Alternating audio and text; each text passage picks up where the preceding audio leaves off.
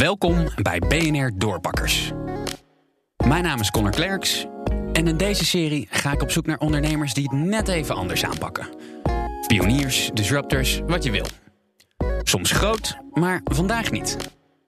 Ik ben in Schoonhoven bij het piepkleine atelier van Mees. Is een boutique tassenmerk van Marius Visser. Hij maakt zijn tassen met de hand en ze gaan de hele wereld over. Soms, want het zit niet altijd mee. Het uh, verandert nogal veel. Het verandert snel ook. Uh, soms kan je zomaar een bestelling inderdaad in het buitenland krijgen. Ik heb inderdaad in Milaan gelegen, Dubai, uh, verschillende landen. Ik ben bezig op het moment met Japan en China heel veel. Omdat ik denk dat dat een goede markt is. Dat komt ook enigszins op me af. we hebben een groot bereik op Instagram. We doen veel aan magazines. Ja, uiteindelijk bouw je daar wel een, een kennissenkring mee op ja, krijg je eigenlijk de bestellingen soms ook direct eigenlijk wel op je af. En, en, en soms uh, moet, je daar, uh, moet je daarvoor vechten om ergens binnen een winkel uh, binnen te komen. Maar, Kun je je vinger erop leggen waarom het de ene keer wel makkelijk gaat en de andere keer juist zo moeizaam is? Absoluut niet. Nee, nee, nee, dat is heel lastig om te zeggen. Dat, dat, dat, dat zou ik eigenlijk echt niet weten waar dat aan ligt.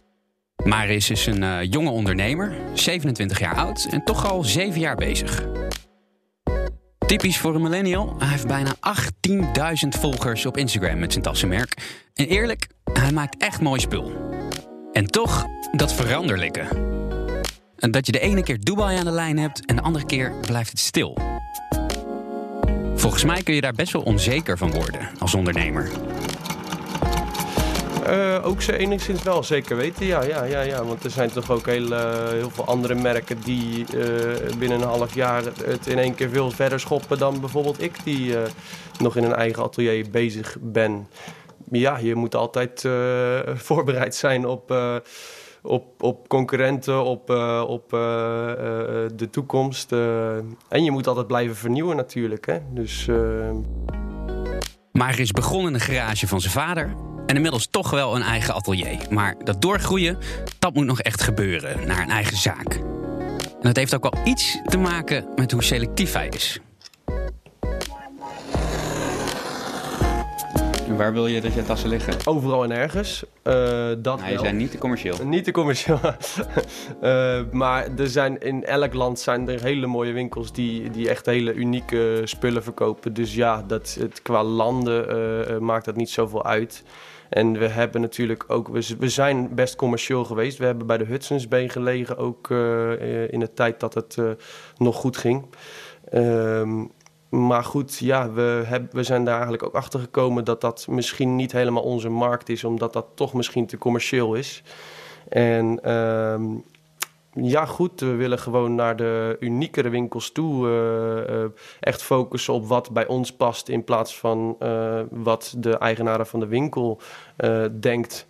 Hoe zou je nu zeggen dat het gaat? Ehm, het gaat goed. Eerlijk. Uh, het gaat goed.